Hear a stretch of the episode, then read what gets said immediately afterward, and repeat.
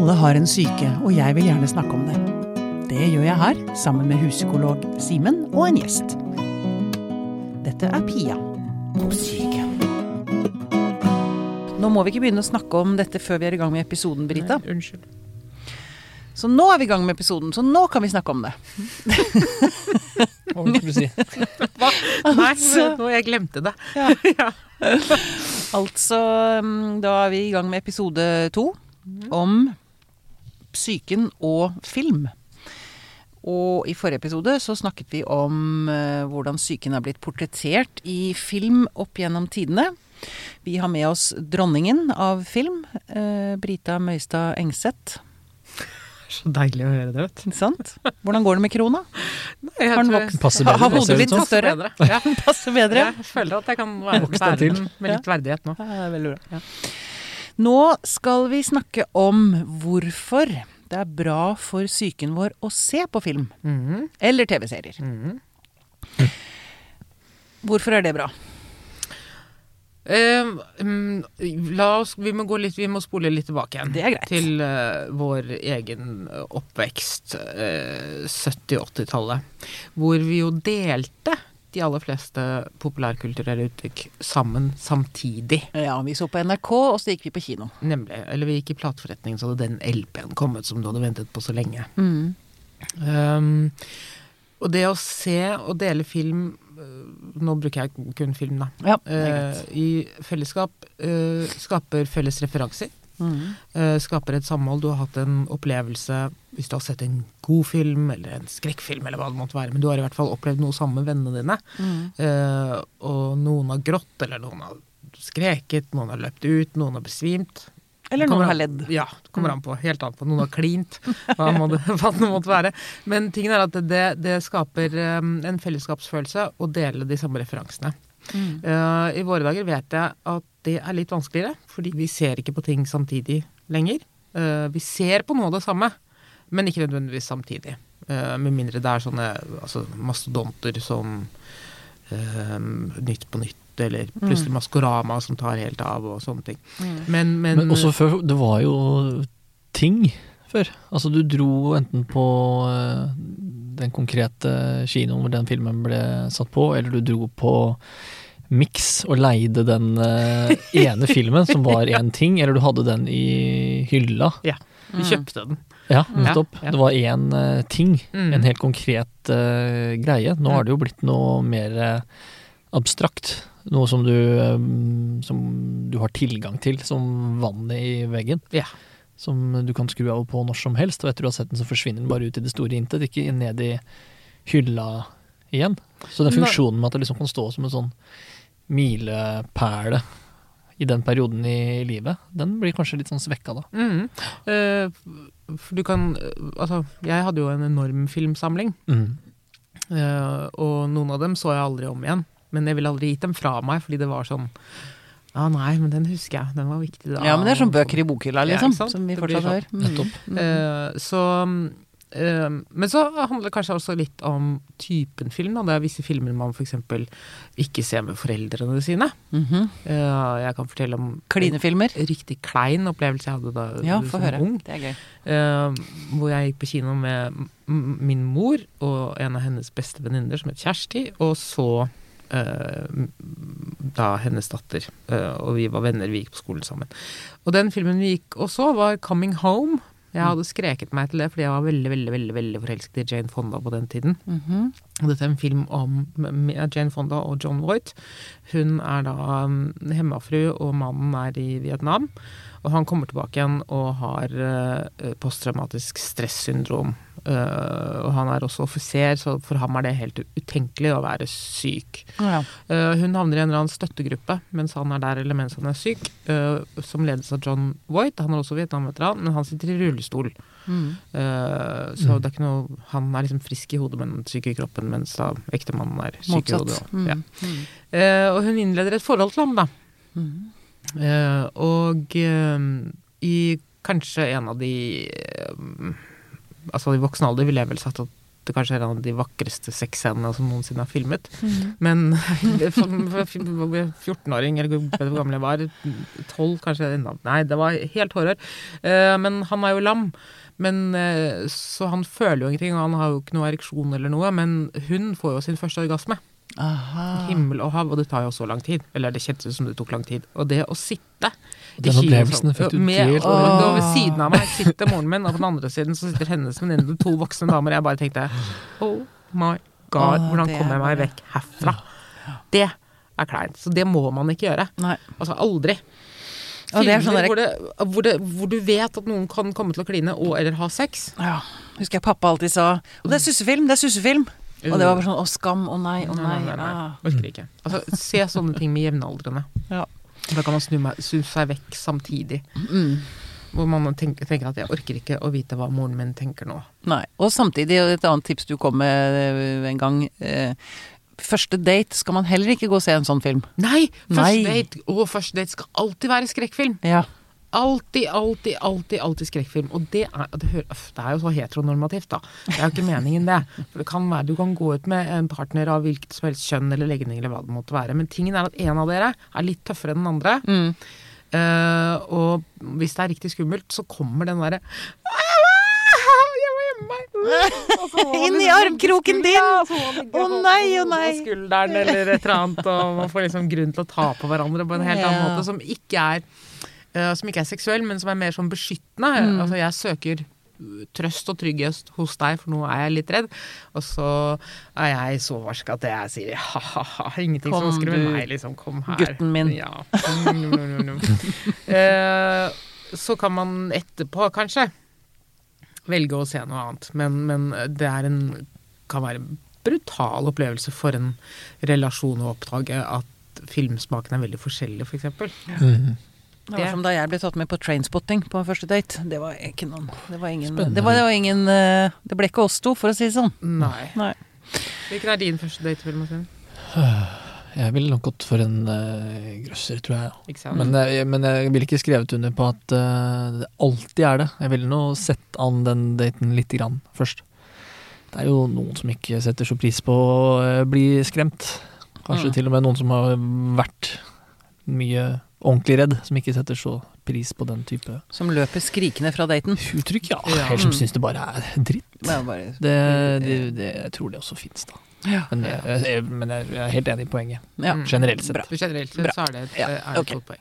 Bare sørg for at det er en god, god skrekkfilm, kanskje med litt humor også. Ja. Eller en dårlig skrekkfilm. Det kan også, ja. Dårlig skrekkfilm, men- suge big time, da. Mye, mye humor i dårlig skrekkfilm. Ja, det er helt Ja, riktig. ja. Ja. Ok. Mm. ehm, altså Mm. eh, Vi har godt av å se på film. Vi har veldig godt av å se på film. Hvorfor det? Eh, Ja, det kan jo fagpersonen Ja, jeg jeg syns i hvert fall at det er to hovedoverskrifter, da. Mm. Og det er jo med, med selve og identitet og utvikling å gjøre. Sånn som Mm. du nevnte den filmhylla i stad, som Mm. Du sa jo ikke det, men jeg tenkte i hvert fall det som sånn identitetsmarkør. Dette liker jeg, og dette likte jeg da. Mm. Dette så jeg på da, som er sånne milepæler som står sterkt og tydelig. Mm. Om dette er eh, meg, sånn var jeg, og sånn er jeg. Dette liker jeg, og dette liker jeg ikke. Det er for så vidt eh, det samme for alle typer kunstuttrykk og, og interesser da, i disse samlingene. Det kunne like gjerne vært en bokhylle, Mm. som du Eller sa. platesamling. Eller platesamling. Mm. Som Vi vil jo kalle det kulturell kapital, da. Man brifer med den. Ja.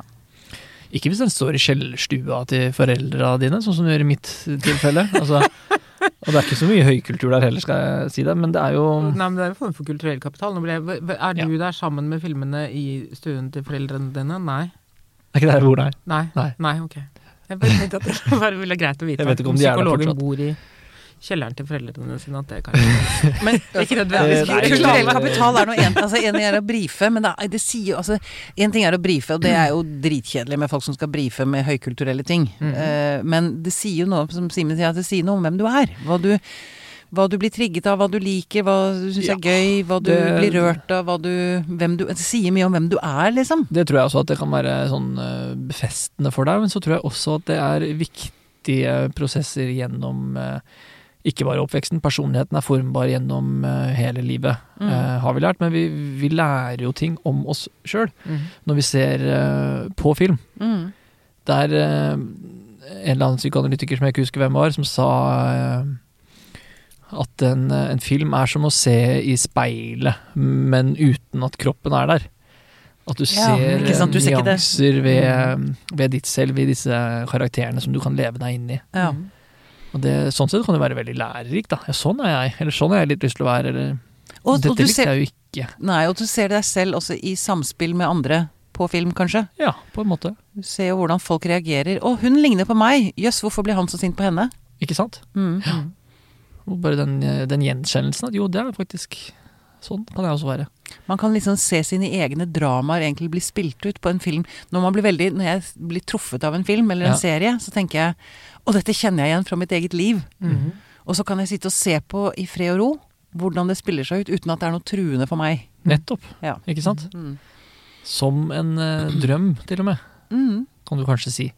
Det er noen som sammenligner det, det å Som se på film og det å drømme. Ja. Mm. Jeg vet jo ikke Drømmefabrikken for ingenting. Ikke sant? Nei, ikke sant. Og, Men, men det med, med, med, med å kjenne igjen seg selv og se seg selv på film er jo svært viktig for minoriteter, blant annet. Altså jeg som jo kom ut av skapet som lesbisk da jeg var 19, Ja. mm, så var jo det å prøve å finne seg selv på film var jo et evig mas. ja. Uh, og man måtte jo For dette var da på Når er dette? 1985, 86? Ja, nettopp. 86. Selvfølgelig. Vi er jo nesten akkurat like gamle, vi. Mm. Um, og det å hele tiden da, i den perioden i hvert fall, måtte se filmer hvor uh, den lesbiske enten kastet seg i en brønn, eller ble drept, eller Mm. måtte forlate landsbyen i flammer. Altså, det var Altså Det endte jo bare Ja, men det var sånn! Det var helt horror. Uh, helt til uh, man startet homofilmfestivalen her i Oslo, og så var Ja. det på slutten av 80-tallet. Det er jo som sinnssyk, sinnssyk bipolar, det kjenner du igjen. Mm. Det var jo en sinnssykdom, Mm. det også. Ja, ja, frem til ja. 1974. Altså, 72, stort, ja, ikke sant? Ja da, absolutt. Um, ja, det var vel deg det ble gjort lovlig i 1972, men det var fremdeles en Diagnose. Siden, Ja, diagnose frem til 84 Ja, det er- eller noe ganske det er ganske Altså. skummelt Ja. eh, hvor lang, lang, lang tid det tok. Ja. Mm. Um, det, altså, da jeg så stekte grønne tomater, eksempel, ja. så skrev jeg grunnfagsoppgave opp dem på universitetet i Var, det, var hun ene Var de lesbiske? Var de I boken er de det. Ok. I boken går uh, Iji og spør foreldrene til Ruth om hun kan få lov til å ta seg av Ruth resten av livet. Ja. Men siden Hollywood var litt sånn der, mm, Ja, det var litt skummelt. tør tør ikke Ja. det, så er det jo eh, en endeløs rekke med svært eh, tolkbare eh, sekvenser Ja. i den. Altså Iggy som går for å eh, hente honning fra et tre, da, hvor det, er, hvor det er fullt av bier og en sånn Hva Mm. heter det som bier lager? Bikubhonning? Ja. Bikuber, ja. Mm. Mm. Skal hente honning. Stikker hun hånden inn i hullet, kommer ut igjen, den drypper av honning. hun går tilbake igjen til, til Ruth med denne ferske honningen og gir det til henne, og, de, og hun slikker det av. Og, det blir, institusjonene blir jo grovere enn hvis man hadde gjort det helt eksplisitt. Ja, ja, ja, ja. Og den matkrigen de har på kjøkkenet, for eksempel. Altså, det er bare altså, Alt oser, liksom. Det, det, det hadde ikke, det var lenge, veldig lenge siden jeg har sett den, men Mm. det er veldig morsomt. Ja. Men når tenker du Når kom den første ordentlige heltinne-lesbisk-filmen? Og sånn, nei, altså Jeg vet ikke om det finnes, skjønner du, egentlig. Oh, jeg vet at det, det har vært laget en del sånn de, altså, har prøvd å lage Catwoman, har de vel forsøkt å lage lesbisk nå, tror jeg. Svart og lesbisk, jeg vet ikke hva det var. Men jeg blir sånn Var det Hal, Hal Berry, var det ikke? Mm, Hva? Hal Berry og Catwoman, var det ikke? Var det det du sa? Ja. Ja. Jo, Er hun men, lesbisk? jo, men hun var lesbisk. Nei, nå, nå ny TV-serie. oh, ja. Og Catwoman skulle være lesbisk, da. Og en eller annen minoritet til. Eh, men nei, jeg vil si at det, det største lesbeikonet ever noensinne er jo Ellen Ripley i Alien-filmene. Å ja. Fordi hun er så Eller i hvert fall i den første.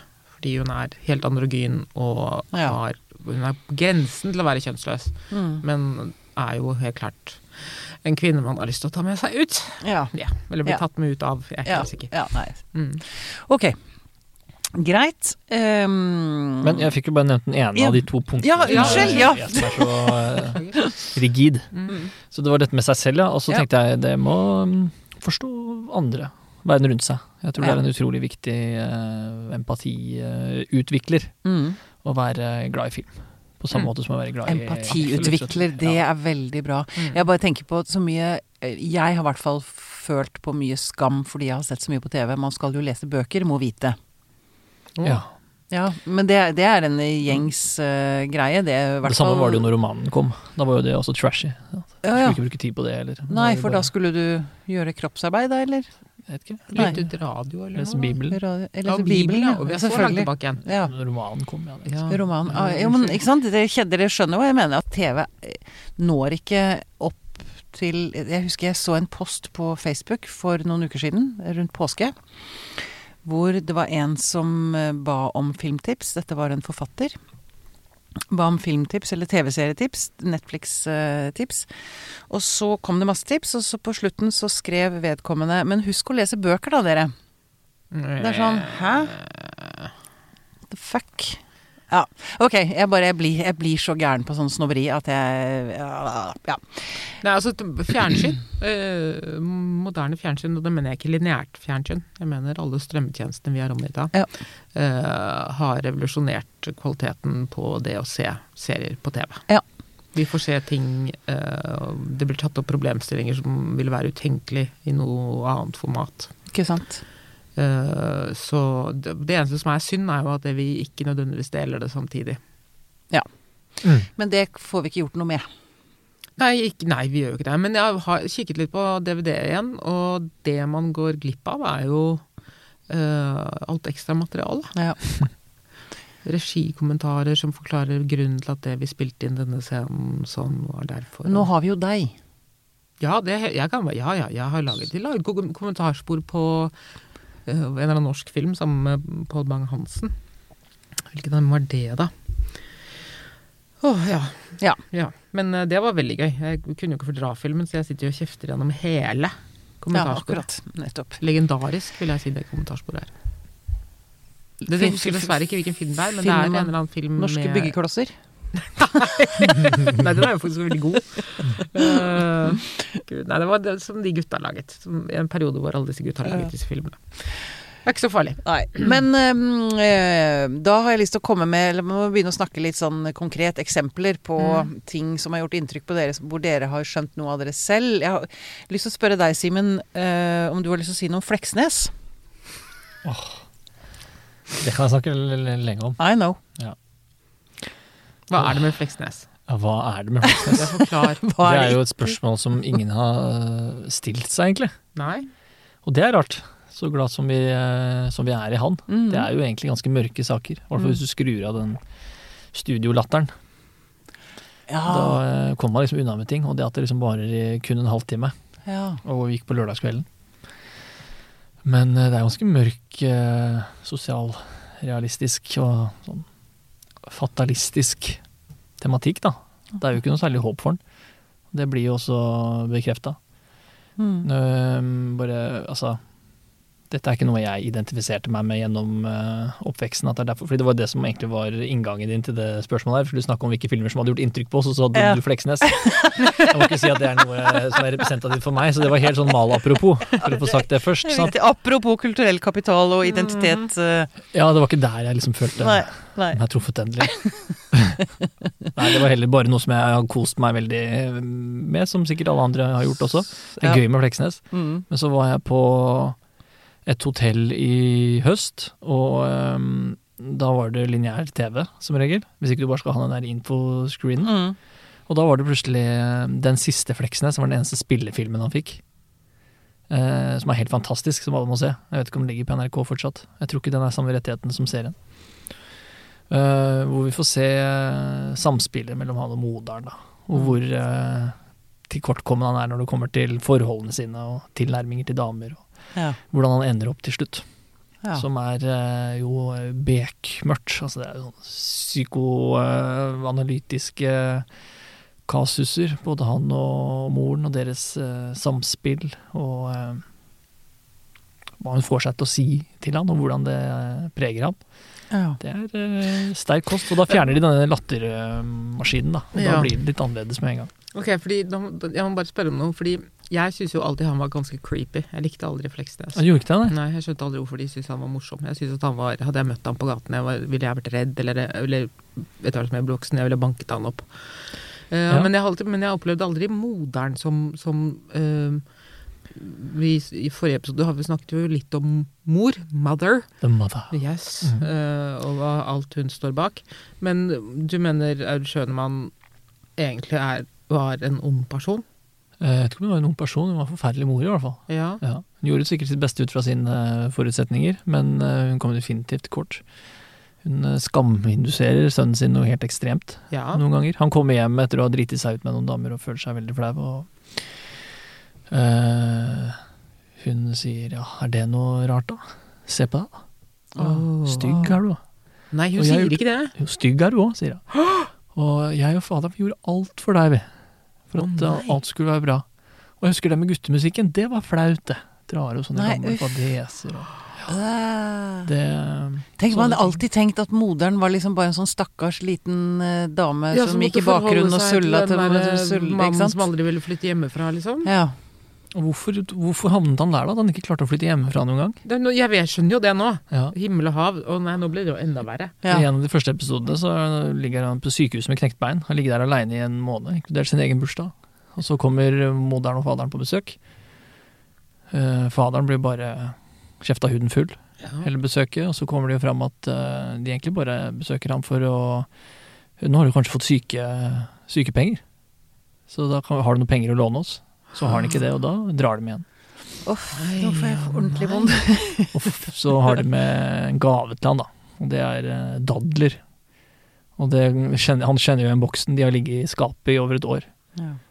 Og far sitter og spytter de på, eh, på gulvet gjennom hele besøket. Og så prøver han endelig å reise seg da, for egen maskin til slutt, metaforisk. Og da glir han på de steinene som han far har spytta ut, og knekker det andre beinet også.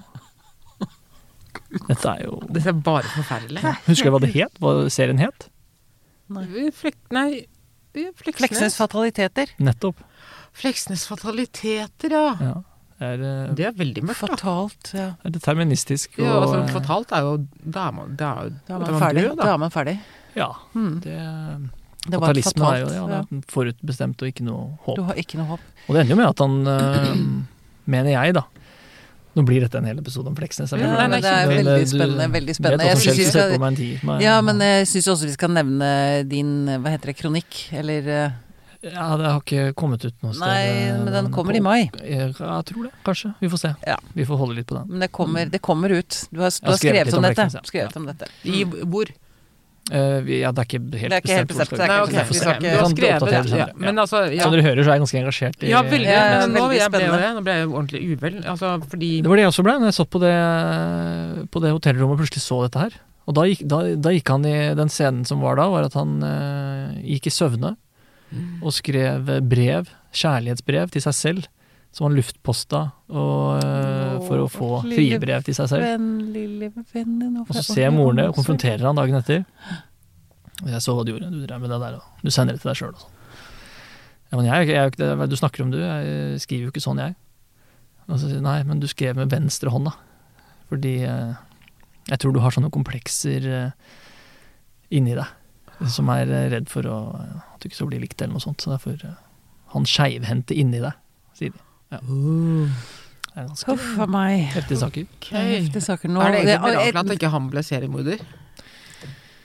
Uh, nei, jeg syns jo ikke det, da. Men det sier litt om hvordan vi er påvirket av uh, film og TV. Fordi de fleste ødelagte mennesker blir jo ikke seriemordere. Selv om man kan tro det ved å se mye på film og TV. Ja, Mm. man gjør jo det. Mm. Jeg ville tenkt at det, han ville gått ut og drept alle kvinner som så ut som moren.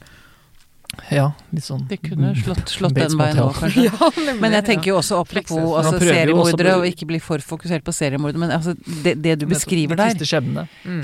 det, det skjer jo med kvinner og menn. Altså foreldre. Det sier noe om hvor utrolig mye makt foreldrene har over sine barn. Og hvor Absolutt. veldig skada man kan bli av en mor eller far, eller i verste fall begge, som er som moderen. Mm. Mm. Som bruker de hersketeknikkene over sine barn. Da. Eller Som har sine egne motivasjoner inni det? Som, som kontrollerende prosjektet. Ja.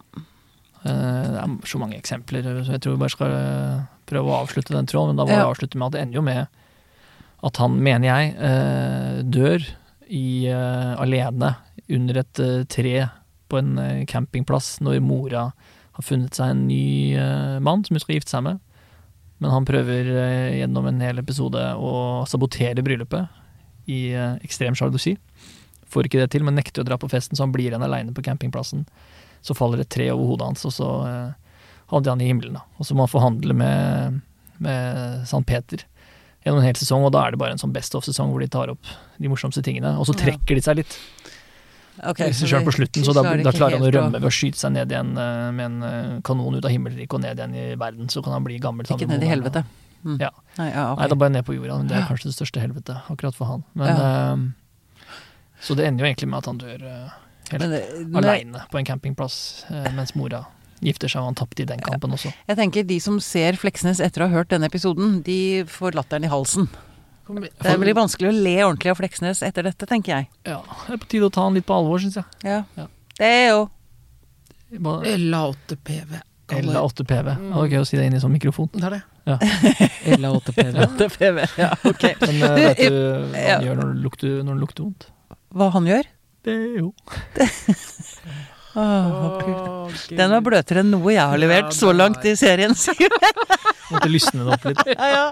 Men jeg har tenkt å gå dit nå, fordi jeg har lyst til å vri det over til eh, å se seg selv. For det har jeg tenkt på em, når jeg, jeg har jeg for eksempel en eh, Litt flaut å si, men jeg, eller jeg har sagt det før, men jeg, jeg har jo sett veldig mye på Friends. Serien. Friends. Ja. men jeg har sett serien. Altså, det er sånn Når jeg har det veldig, veldig vondt, Mm. så kan jeg fort sette på noen episoder med Friends, for der er jeg trygg. Mm. Da har jeg et univers som jeg er trygg i, og jeg liker meg i det universet. Mhm. Men så har jeg begynt å tenke på hvem jeg er i forskjellige serier og filmer. Et klassisk spørsmål om Friends, det. Ja. Ja, jo, men og det kan man overføre til veldig mange andre også. Nå kommer jeg plutselig ikke på andre, men jeg har plutselig ikke sant, Jeg har sett meg selv Mm. og min egen mor, for eksempel. I Eh, Friends. Eh, ja. Nei, kanskje ikke der så mye, men, men jeg har sett meg og andre venner. Mhm. Og jeg er jo selvfølgelig klassisk Phoebe. Ok. Hvorfor Phoebe? Nei, fordi hun er all over the place og Og hva heter det? Eh, Flaky. Mm. Ja. Så det, det, jeg kjenner meg mest igjen i Phoebe, da. Mm. Uh, uten tvil. Um, men og det, det er så gøy å begynne å se på forskjellige sånne ikoniske altså serier, eller altså Mm. Se hvem er jeg, og hvem er de andre figurene, hvis man ser på livet sitt som et teaterstykke, eller som en filmserie. Hvem spiller de andre rollene? Mm. Der kan man leke veldig mye med og skjønne mye av seg selv, da, Mm. tenker jeg. Og særlig Friends. Selv om jeg hadde alltid en vag følelse av ubehag når det gjaldt Ross. Okay. Fordi han var akkurat hakket for øh, stalker-aktig. okay. uh, altså, hans forhold til Rachel var aldri sunt, og jeg tenkte alltid at hun kunne få noe bedre enn ham. For det var noe, noe litt patetisk og noe litt farlig og beregnelig ved ham. Mm. Men, men hun hadde alle verdiene Det var dum som et brød. Herregud, ble lykkelig av å jobbe for Ralph. Lauren, liksom. Ja, ok, ja. Nei, nei. Egentlig så er det jo en helt grusom gjeng. Det er jo en helt forferdelig, forferdelig forferdelig gjeng. Altså, Ja, helt, har og de driver med så mye fatshaming. Det blir jeg så, det blir jeg så irritert på. fatshaming og gayshaming Ja, og, ikke sant. ja, ja, og Ja. ikke en eneste Altså, vi er i New York, Mm. og det finnes ikke en eneste farget person i serien. Nei, det det dukker det opp en, en han, Ross har et kort forhold til en farget kvinnelig professor. Ja, Men det er det det eneste. er det eneste. Ja. Mm. Men de bruker mye tid på å være redd Gutta bruker mye tid på å være redd på at de kommer borti hverandre, eller at de vil se jentene kline. Mm. Sånn, dere kan få tilbake igjen leiligheten Ja. hvis dere kliner. Ja, liksom. kline, ja, ikke sant. sånn Ja, jeg skjønner. Ja, jeg er enig. enig. Det er, vi trenger ikke å snakke mer om Friends. Altså. Men Det, det er bare, det, det var var egentlig på da, bare- hvordan du øh, ser deg selv i referanse til det du opplever. mm. Mm. Men du, du snakker jo om det som en litt sånn kognitiv øvelse, da, hvor du Mm. sitter og ser på det og analyserer og tenker og tenker og sånn. Jeg tenker det viktigste i, for å kunne um, virkelig få noe ut av disse, eller det å, å se seg selv på en ny måte, så tror jeg det er den der fortapelsen, da, som film Ja. som uh, format kan gjøre så utrolig sterkt. Mm. når det funker, som i hvert fall har vært eh, grunnen til at jeg har brukt utrolig mange timer av mitt liv for å se på film, og sikkert dere Mm. også. Mm. Det at du, du mister deg jo selv, Mm. som også er en av grunnene til at folk mm, sammenligner det med drømmer så ofte. Mm. Fordi du, når du ser en film, så er det jo i ulike grader av eh, bevissthet, akkurat som du drømmer. Noen ganger når du drømmer, så kan du jo også være klar over at du drømmer litt. Mm. Men ikke alltid. Og noen Mm. ganger når du ser på film også, så er det noen ganger du er, det er litt uklart for deg om du er der, om du er den personen, eller om du er deg selv. Mm. Det er derfor vi blir så forbanna når folk lager lyder i kinosalen, for eksempel. Ja. Eller, okay. Eller, eller venner som sitter og kommenterer underveis. Ja, nettopp. Fordi du Eller si 'Å, se, følg med nå, følg med', som har sett filmen før. Det er helt Ja. grusomt. Det er ikke alle som har det sånn, da, som setter pris på den fortapelsen, men jeg tror det er det som gjør det ja. så magisk. da. Du kan leve livet som en, eh, en uh, ung uh, gutt i uh, Boston. Ja. mm. Måte, I, en, i et par timers tid. Selv om du er Mm. en norsk dame som Ja. ser på Goodwill Hunting, liksom. Ja. Mm. Og jeg har lyst til å gå tilbake til min aller første film, store, store filmopplevelse som barn. Eh, Sound of Music. Det er jo eh, kaptein von Trapp eh, som Maria kommer til som nonne for å passe på hans syv barn, som er morløse. Og han driver og romantiserer, eller har en slags romanse gående med denne baronessen, som er veldig vakker og veldig pent kledd, og veldig korrekt, og ganske kjølig. Mm. Og Maria kommer selvfølgelig og gir latter og glede og varme og kjærlighet tilbake til huset. Ja. Ja, det er veldig kort fortalt. Ja. Uh, og der, der, den filmen har jeg henta mye av. Mye fra. Og skjønt mye av min egen uh, syke og oppvekst og sånn. Se så du ler, du ler ikke veldig Jeg ler veldig høyt av Jo da, ja, jeg ler okay. masse også, men jeg har grått mye òg. Mm. Og jeg vet det er veldig mange av mine venninner også som, ja, ja, ja, som, som gråter når eh, eh, kaptein von Trapp begynner å synge. Når de barna Jeg vet ikke om dere har ikke noe sterkt forhold til Sound of Music? Ser det ut Jo, som? jo, jo ja, da. Ja, Eller sterkt og sterkt, jeg vet ja, men ja. men eh, eh, hun Maria lærer dem jo å synge. Mm. Vi gir dem musikken tilbake. Eh, og så sitter de og synger, og så står han utenfor og hører, og så kommer han inn og joiner, begynner nesten å grine bare å si det. Kommer inn og joiner sangen, og barna sitter og måper, for de har aldri sett far synge før. Dette er å få tilbake den fortapte far. det har truffet mange, mange jenter jeg kjenner. Mm. Mm. Og det man trengte var en aseksuell nonne. Ja, Som ja, hun var ikke hun var ikke seksuell, selvfølgelig. Nei, hun, Nei, var jo, hun var jo from som bare det. Mm. Ja. Us uskyldig. Ja, ja. Men det, altså, det er jo Det var jo for så vidt Julie Andrews sin persona. Ja. Men dette er jo 67 den kommer, eller noe sånt, Ja. ikke det? 65 eller noe sånt. Nei, men hun brukte, jo hele livet på å leve ned igjen ideen om at hun var som Maria von Trapp. Ja, akkurat. For det sliter jo selvfølgelig veldig mange skuespillere var- med altså, når de blir identifisert. Identifisert. Hun viste jo puppene i en av de siste filmene til, uh, som ektemannen laget. Ja, Men 'Drømmekvinn 10' òg? Ja, unnskyld. Nei, ja, nei, men Ja. Hvor, hvor, eh, hvor det var stor skandale at, det er Jul, nei, at Julie Andrews Viste puppene. viste puppene. Akkurat. Men det var, for henne var det en dyd av nødvendighet, fordi at nå må folk slutte å tro at jeg er Maria. Maria. Ja. Mm. ja. Sant. Mhm. Men der, og det er altså det, tror jeg det er det vel mange skuespillere som har slitt med. Altså komme seg unna rollene sine. Blant annet Rachel i Friends. Alle hun Man kan jo altså, se på alle sammen at de Altså, de Ja, vi skal jo selvfølgelig ikke sladre om kjendiser, det er jo under, oss, under vår verdighet, men man ser jo at det, den serien har vært med på å lage personer som de ikke har klart å komme seg komme seg ut av er Nei. nettopp for det, det var poenget mitt. Mm. Ja. Ok. um, nå har jeg lyst til å vippe over på et annet spor, men jeg vet ikke hvilket. Mm. Kan vi ta frem at Anthony Hopkins fikk sin Asperger-diagnose veldig sent? Ja, det var Ja. Ja. Mm. Vær så god, Nei, det syns jeg, var- jeg synes det var svært interessant. Uh, altså, han er jo en av de store fra uh, Ever. Ja, må si det. Ja. Uh, selv om kanskje noe av de 60-tallstingene hans er litt rare. Men Når, når fikk han sin første Oscar? Uh, Det var uh, Nattsvermeren. Var det Nattsvermeren? Mm. Var det det, ja? Ikke for Elefantmannen? eller? Nei. Nei. Eh, han eh, ha, Altså, når, når han da sto frem med dette, uh, så blir man sånn man, Altså, jeg så jo for meg Hannibal på en helt annen måte med det samme. Ja. Bare sånn Ah, Hannibal er autist. men jo, men så blir man sånn derre Ok, så blir man veldig var over Ok, han har fått den diagnosen, han har hatt den hele livet, men han har fått den veldig sent. Uh, og så blir man sånn Ok, gjør det at jeg kommer nå til å legge merke til andre ting ved hans arbeider? Eh, men så sier han jo selv at det, han er veldig intens. Mm. Eh, og det å få diagnosen for ham var Spilte ingen rolle.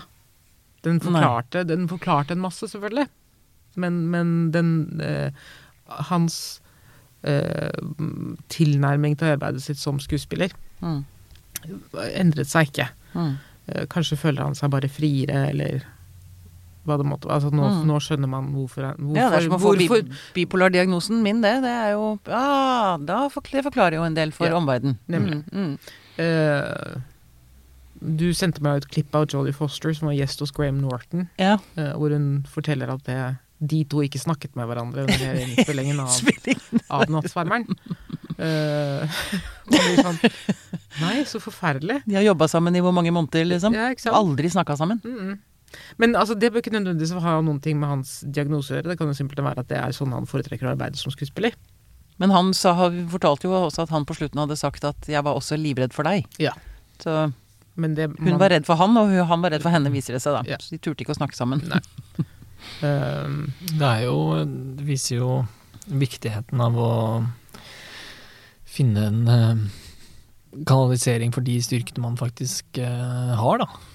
Han eh, kan eh, virkelig fordype seg og fortape seg Mm. i det han eh, går inn for, og det Mm. han blir interessert i. Han har Mm. beskrevet seg sjøl en gang som en sånn slags nøttig professor-personlighet som liksom finner seg én en ting, og så begynner han å lese seg opp på det. Og nå har jo det i hans liv blitt filmmanus, da, og så går han totalt inn i det og Mm. mister resten av verden. Mm. nå Og- holder han på med parfyme. Ja. Ja. Nei, nei, jeg tuller ikke. Anthony Hopkins har en egen serie med parfymer. Duft. Ja. Overskuddet går til eh, noe helt fabelaktig, som jeg ikke husker hva er, men sikkert noe s- Det er veldig, jeg kommer anbefale å følge han på både, i hvert fall Facebook. Han, Ja, legger, han sitter og. Insta. Instaen hans er jo helt fabelaktig. Ja. Der legger han ut små filmer, han sitter og spiller piano og Mm, eller danser, Dan, ja, veldig, veldig Så er det jo Viktigheten av å ha noen kule eh, frontfigurer fra for noen eh, sånne kategorier og Mm. diagnoser som Mm. er, eh, kan være veldig smertefulle å få. da. Spesielt for noe som er en varig beskrivelse av det, ikke noe som Mm. kommer til å gå over. Mm. Og eh, jeg husker jeg jobba med en liten gutt en gang i en prosess som endte med en, eh, endte med en autismespekter-diagnose, hvor en stor trøst ble funnet i at ja, det er jo noe han Det var det mora da som fant ut. At det har også Anthony Hopkins, han som spiller i en av disse um, superheltfilmene. Han har en rolle i en av de. I en superhelt Ja, en eh, Han spiller en superhelt i en eller annen eh, Ja, eller Film. om han er en, en eller annen far til en superhelt, eller et eller annet sånt. Nå husker jeg ikke det, burde visst akkurat hvilken karakter Ja, det det var. ingen da. det, Men det er noen år siden nå. Ja. Mm. Og, bare, og det er han, ja! Da er det greit. Ja, han er ikke sant? han er dritkul, Da har man rollemodeller man kan uh, rett og slett. spille Ja, som man kan se opp til, og som man syns Mm. er eh, kjempekule. Ja, Ikke sant? Da ser man at man kan bli noe, hvis man får brukt sine styrker. Ja, Og ikke bare bli svekket av sine svakheter. ikke sant? Mm. Det Ja, det, jeg har også lett etter eh, Da jeg fikk min diagnose, så lette jeg også etter eh, Etter folk der ute som jeg kunne Ja, Mm. på en måte identifisere meg med, da. Det ble Churchill og Catherine Zeta Jones jeg fant. Richard Dreyfus. Sykt bra kombo Mm, for en cocktail. Ja, Richard Dreyfus. ja ikke sant? Fikk bipolar diagnose. Ja, og i- Carrie Fisher, selvfølgelig. Nå gikk det ikke så bra med henne, da. Nei, det gjorde jo ikke det. Men på den annen side, noen av de arbeidene hun har gjort, er jo helt praktfulle. Var det jeg, jeg, nevnte mora til Star Wars, sa jeg Ja. i forrige episode. Ja, da var det det. Carrie Fisher jeg mente. Ja. Ja. Ja. Mm. Men hun var jo helt åpen om Ja. Hva hun strevde med hele livet. Ja. Mm. Og så så jeg jo denne fantastiske, nå må jeg bare nevne den, eh, denne utrolig bra eh, serien, eller filmen til Stephen Fry, som ligger på YouTube. Hvor han, han er jo også bipolar. Han er jo Mhm. også en annen helt å forholde seg til.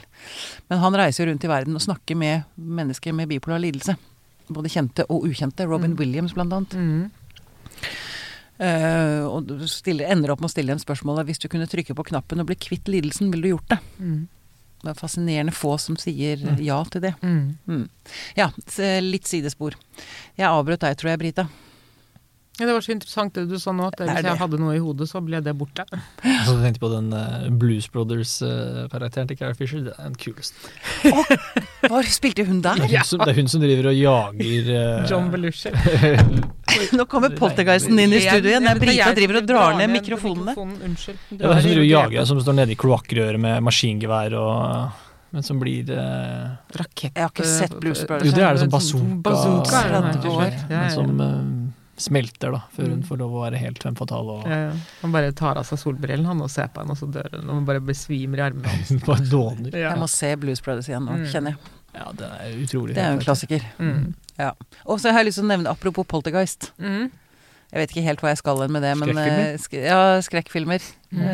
Uh, Poltergeist sa du Jeg mener du sa i sted, Britt, at det er en av de beste filmene du har sett. eh, Jeg sa at det er kanskje en av de mest perfekte filmene som er laget. Perfekte filmene. Mm. Fortell. Rent dramaturgisk, eh, eh, oppbygging, rollefigurer eh, Fortell hva den handler om. Bare Poltergeist er eh, Altså, den står Det står regi Toby Hooper, Mm. og så står det produsent Steven Spielberg.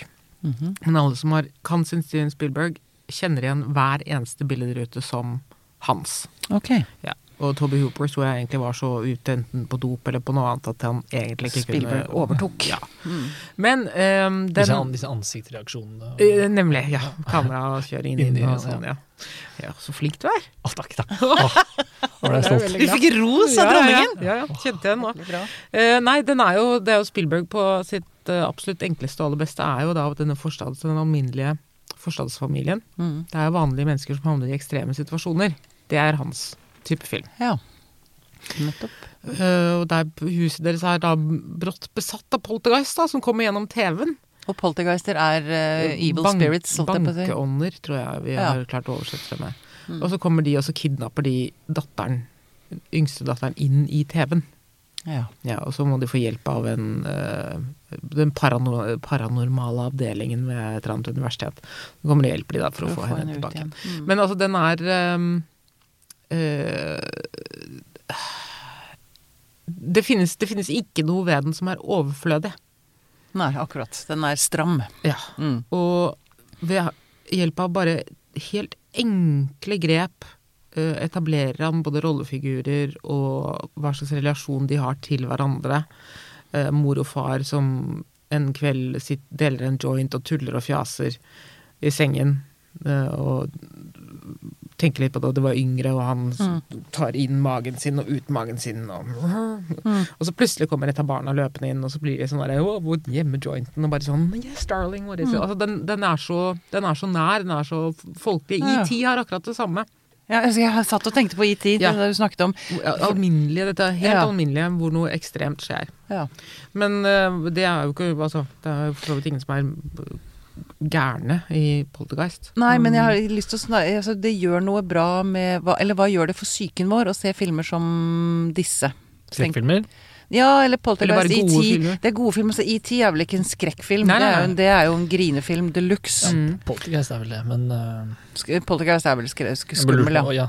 Snakker vi om hva god film gjør for oss, eller Ja, det- skrekkfilmens funksjon, liksom? er Det, nei, det jeg sitter og tenker på nå, er lytteren som kanskje sitter og tenker Å, sant, jeg hadde, hadde jeg hørt denne episoden, eller jeg har jo notert masse filmtitler her, Mm. den skal den må jeg leie, den må jeg leie. Mm. Hva får man liksom, altså hva, får man ut av det å leie henholdsvis da ET eller Poltergeist? Altså hva er det Sånn som vi snakket om i forrige episode, da, da snakket vi litt om de sjablongmessige mm, måtene psykisk helse og hva psykologi er Mm. på film. At det noen ganger kommer litt eh, dårlig ut, Mm. noen ganger litt bra ut, men som oftest når eh, hovedtemaet er psykisk helse eller en eller annen diagnose eller et galehus eller noe sånt, så blir det gjerne litt uh, sjablongmessig og grovt. Men de, det vi snakket litt om da, var at de beste filmene og den beste måten å få belyst psykologi på film, og relasjoner og selv og andre og følelser og alle disse store temaene, er jo bare når det er bra film. Når Mm. du kan se et bilde, se et samspill, sånn som Mm. du beskriver, Brita, og tenke Mm. dette er jo en ekte familie. Ja. Mm. Umiddelbart. De er Mm. uperfekte, og de kødder, og bare Trenger ikke å vise flashbacks til alle, hele familiehistorien, men bare den spøken de drar seg imellom, så kan du se for deg et helt liv Mm. sammen. Bare det, det, det er dette med at du fortaper deg inn i noe, da, og kjøper det med en gang. Mm. Da er du plutselig til stede i den historien. Mm. Det Ja, og det jeg tenker på med ET, så tenker jeg det som er så nydelig med den, det er jo å si fremmedfrykt. Eller altså mm. det å ta inn et fremmed vesen. Mm. Eh, liker jeg så godt med den filmen, da. Mm. Det lærer barn, unge, noe veldig viktig. Hvis man setter den i en sammenheng, så er den jo Den kom jo etter at det Spielberg hadde laget inn den første Indiana Jones-filmen. Oh, ja. Som nesten hadde tatt livet av ham fordi det var en vanvittig innspilling. Altså Akkurat. stor, krevende eh, actionfilm. Mm. Uh, og han var, han var så sliten, og han hadde, altså, hadde, hadde gått jevnt og trutt siden Haisommer.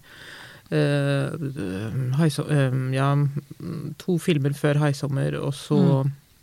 eh, Nærkontakt til tredje grad, og Ja, så. Indiana Jones. Gud, for en filmhistorie Han han, eh, har bidratt med. Han var så sliten, og han trodde ikke at han hadde noe mer i seg. Og så kommer han på ET, som han har gått og båret på siden han var en liten gutt. Oh. Og for ham så var det en slags, ble det en terapifilm. akkurat. Dette var, dette, var, dette var vennen han hadde drømt om.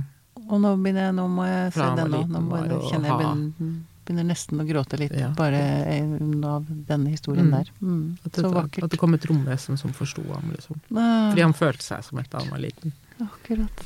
Så utrolig vakkert. Mm. Nok en gang så eh, Vi må begynne å avrunde litt. Grann. Det vil si ikke helt, men eh, vi har bikket over liksom på andre sida, for å si det sånn. Mm. Og så har jeg lyst til å Jeg bare kom på For en del år siden så arrangerte vi sånne flauesangfester. Hvor oppgaven var, før du kom til festen, å velge deg én sang som du virkelig skammet deg over at du likte. Å, Flauesang. Og så blir alle sangene som Du må presentere sangen din. Ja, det er en veldig, veldig Det kan jeg anbefale som konsept. Det er helt genialt. Det er så morsomt. For det viser seg jo at alle liker jo sangen. Men det er bare ingen som står for den. Nei, nei. Men jeg lurer på om jeg har, jeg har lyst til å vippe Altså dra det over til flaue film. Dere visste hvor jeg skulle nå? Ja, men du, du advarer oss aldri i forkant. Nei, det det er på da lang ikke, noe, er ikke noe gøy. Å være advart. Det er kanskje litt Er det, synes, det der guilty pleasure-begrepet, er ikke det liksom Det er bare pleasure, er det ikke det? Jo, jeg er enig, men jeg bare vet at det er så mye. Jeg måtte nemlig bryte ned og tilstå. Jeg har en, en Facebook-gruppe sammen med noen venner som heter TV-slavene. Hvor vi ligger inn tips til ting vi ser og anbefaler hverandre, og serier og filmer og sånn. Og her forleden så brøt jeg ned og tilsto at jeg elsket Gilmore Girls. Den har sittet litt langt inne for meg. Å si det høyt. Ja. Den er veldig masete, det må jeg si. Altså, Det er mye mas i den. Men Kan være hun er masete, hun Lorelai Lorelei Gilmore. Men, men allikevel, det er noen karakterer der som er helt vidunderlige. Kirk, for eksempel. Altså, ja, de som ser på den, vet akkurat hva jeg snakker om. Ja. Men eh, det er jo litt sånn tegneserieuniverset, egentlig. Ikke sant? De er så karikerte, alle sammen. Jeg var Jeg skal jeg, jeg kan stå frem og si at jeg var stor Dr. Phil-fan i mange år. Ja, jo, men altså hver dag. Tuller ikke. Uh, teipet uh, Dr. Phil. Kom hjem. Og Tok det opp? Ja, ja. Dette er ikke bra. Nei, og- nei, nei. Uh, og det, men eh, da- altså, da han kom La oss si det sånn, da han kom rett fra Opera og var fersk eh, Hvor hun jo hadde groomet ham og, og trent var det ham opp og sånn. Opera som groomet han, ja. Ja, det visste jeg han, ikke. han kom dit fordi han Hun ble jo saksøkt av disse her bøndene, Texas-bøndene, fordi hun sagt at eh, kjøtt er dumt, eller hamburger er ikke kult, eller et eller annet. Mm. Så ble hun jo saksøkt, og så eh, var jo han eh, som eh, Ikke rettspsykiater, for han er jo egentlig ikke det, men han hadde Han er ikke faglært egentlig, er han det? Han har en doktorgrad i psykologi, Har han det? ja. Ok. Og han har jobbet på Han har jobbet som terapeut, Har han det? Ja, ok. men han, den finnes ikke lenger nå. Altså, han har ikke noe lisens nå. Han har ikke noe Jeg aner en ny TV-serie i emning her nå. Mm. Dr. Ja. Dr. Simon- Simon says. Simon says. ja. Nei, men um, da var han uh, Hva skal vi si, da? Da var han fersk og uskyldig, og, og han Du hadde- prøver å rettferdiggjøre det nå, han var klok. Ja, han virket klok. Mm.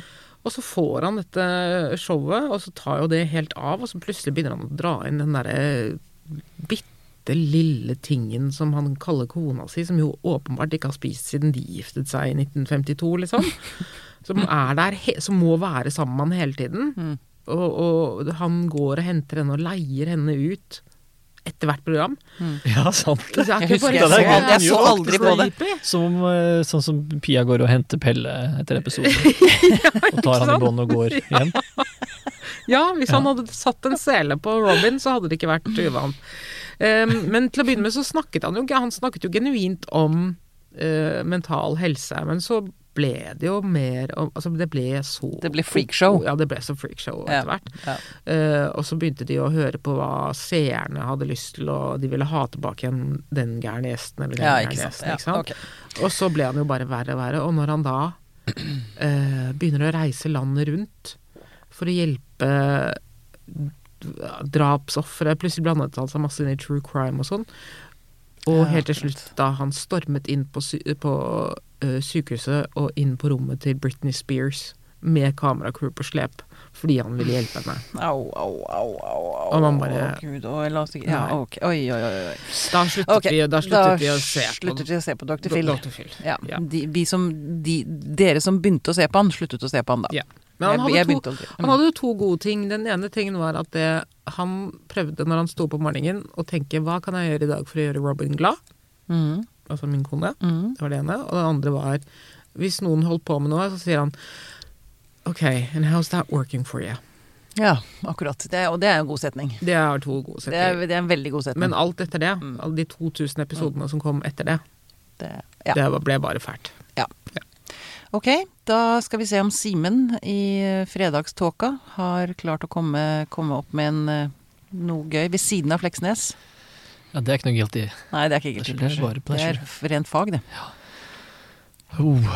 Det er jo litt rart å diskutere med, fordi i motsetning til uh, til med musikk, hvor dette med guilty pleasure er veldig kjent, gjerne noen sånn 80-tallsballader eller eh, Ja. et eller annet sånn svulstig, så er jo B-film er jo nesten kult, ikke sant? Mm. Ja, jeg husker sant. veldig godt gjennom ungdomstida, så syns jeg ofte det var kult å kunne sitte oppe og se på nattkinoen på TV3. Mm. Og der er det jo bare utrolig mye rart. Ja. Mm. Poltergeist eh, 4, blant annet. Det er en egen glede å se på dårlig film, da. Ja, det er det. Så, og det er ikke flaut, liksom. Det kan nesten være litt kult å se på Ja, men noe du B-film noe du blir rørt av, da. Som du tenker oi, oi, oi, oi. Når grein du sist på kino? Ja. Barnefilm som uh... Det er jo to helt forskjellige spørsmål, da. Nei, men Ja, Når gråt, hvilken film fikk deg til å gråte sist? Det vil jeg vite. Jeg gråter lite av film, altså. Jeg blir veldig berørt, men det kommer sjelden eh, tårer. Når men jeg ble ganske blank i øynene av den som vi snakket om forrige eh, uke. Ja. Sound of Metal forrige uke. Ja. Det skjer egentlig ganske ofte med meg. Jeg er ganske flink til å forsvinne inn i, eh, inn i film, altså. ja. Uh, men uh. Om du blir rørt av noe som du måtte skjule, liksom. Altså at du Hvis du satt sammen med kompiser, og du tenkte oi, nei, nå må jeg snu meg vekk, for de må ikke se at jeg griner av dette'. med kompiser så har vi ikke sett den type filmer. Nei, det skjønner jeg. Hvis du sitter alene og tenker 'å, nå er jeg glad ingen ser meg', at jeg sitter og griner, eller jeg, sitter... jeg tror den mest emosjonelt intense filmopplevelsen jeg har hatt noen gang, er eh, når jeg eh, Hvis det er lov å si på fredag, var grassat uh, fyllesyk og Ja. så Black Swan. Eh, I Ja. et eh, mørkt uh, rom. Det var uh, utrolig intenst. Da føler du deg ganske hudløs Mm. Ja. inni det. Men av Guilty Pleasure Jo, vet du hva. Nå kom jeg på noe som ikke er B-film, men som, er, som jeg syns var skikkelig pleasure. Phantom of the Opera. Aha! Det, Av alle ting. det er Der, rart. den har jeg ikke sett. Det var rart. Den, det skulle, det, du ja, undret deg litt. det. ja. Men du satt og tenkte 'hva skjer', liksom? Hæ? Nei, jeg satt ikke og tenkte noen ting. Satt og koste meg med en eh, vanvittig film. Plutselig var det Gerard eh, Butler, han eh, Ok. actionhelten, som plutselig står der og synger de mest svulstige Balladene. balladene. Ja, nydelig. Det, det, jeg digga det. Veldig bra. All in. Veldig bra. Sitter du og måper, Nei, du er veldig rar. Ja. Men du var Det veldig er du flink, også, men, men, men, men, du, kunne, du kunne din Spielberg. Og det, er, eh, det betyr at du er rar på en god måte. Takk, det mm, prøver jeg å være. Rare mennesker er de beste. Eller som Nå skal jeg sitere en film som jeg, som jeg også elsket, nemlig 'Elling'. Ja. Jeg identifiserte meg med Elling. Jeg, hvis jeg ikke har det bra, så kan jeg gå derfra. Ja, jeg kan løpe. Men han sier om Kjell Bjarne, når hun kommer på døra for å invitere, spørre om Kjell Bjarne, Mm. hun som bor i etasjen over, Mm. Og så sier, sier hun et eller annet sånn Han er jo rar. Og så sier Elling jeg vil ikke kalle ham rar, jeg vil heller si rare. Og veldig bra, veldig bra invitasjon òg. Takk! Ja, bra. Nå skal vi slutte. Jeg skal komme med en anbefaling bare helt til slutt. Ok. Sånn Apropos at det også lages gode norske filmer. Mm. Uh, Elling er jo en ting. Men uh, den opprinnelige De dødes tjern Å ja, Mm. akkurat. mm. Som, Det er skrekkfilm. Den er eh, skummel. Ja, det er vel mer en Jeg vil kalle det mer en uh, psykologisk thriller. Ja. Uh, men den er interessant med tanke på hvilke metoder, psykologiske metoder man bruker, brukte da, og hvilke man bruker i dag. I nyinnspillingen. Mm, ja, nyinnspillingen er bare helt forferdelig. Det er ikke lov. Ikke si fysj! Ikke nevn Fysj, vekk med Nei, skal ikke Ja, klippe. klippe bort. Husj! Originalen. Originalen. De dødes tjern. De dødes Fra 1950 et eller annet. Ja, ja, ja, noe sånt. Fysj. 58? 9? Ja. Noe sånt. Ja. Du mener boka eller filmen? ja, boken også. Boken er jo fabelaktig. Bernhard Borge, som egentlig er eh, var André Bjerke. Ja. Eh, Men, men den er praktfull. Eh, En praktfull psykologisk reise inn i et mørkt sinn og mye undertrykt seksualitet og, og ting som skal frigjøres, og Mm. terapi og mental helse og Henny Moan som mm, kunne måle seg med de internasjonale filmstjernene på den tiden. Nydelig. Mm. Hvis ikke du har fått eh, noe å se på nå i helga, så kan du gå hjem og vi går- sitter vel og leser bøker, da. Jævla snobb. Sitt der med Dostojevskij din, du! Så skal vi, skal vi andre gå på Netflix. Se på Phantom of the Brita Møystad Engseth, jeg tipper nok du kommer tilbake om, tilbake om et halvt års tid. Jeg har veldig mye mer å snakke om. Vi, er jo knapt, vi har knapt begynt å skrape i overflaten. Ja, det er riktig, det. Fantastisk å ha deg i studio. Tusen takk for at du kom. Og god helg. Ha det.